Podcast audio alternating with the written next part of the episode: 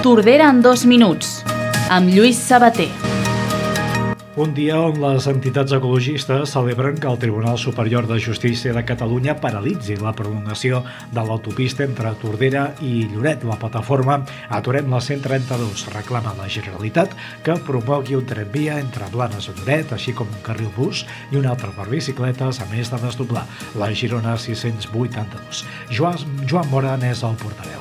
Nosaltres sempre hem cregut que, que l'autopista tampoc era la solució i a més a més el que sí que teníem molt clar era que l'autopista doncs, tenia un impacte sobre el territori molt gran a nivell mediambiental. I la seguretat ciutadana és la principal preocupació dels tordarencs i tordarenques, segons el Dibaròmetre, es tracta d'un projecte de la Diputació de Barcelona que pretén recollir informació que pugui ser utilitzada en la presa de decisions per part dels governs locals. I darrera setmana de la campanya de sorteig de 250 targetes moneder, un sorteig que es farà el dia 23 de novembre, promogut per l'àrea de promoció econòmica.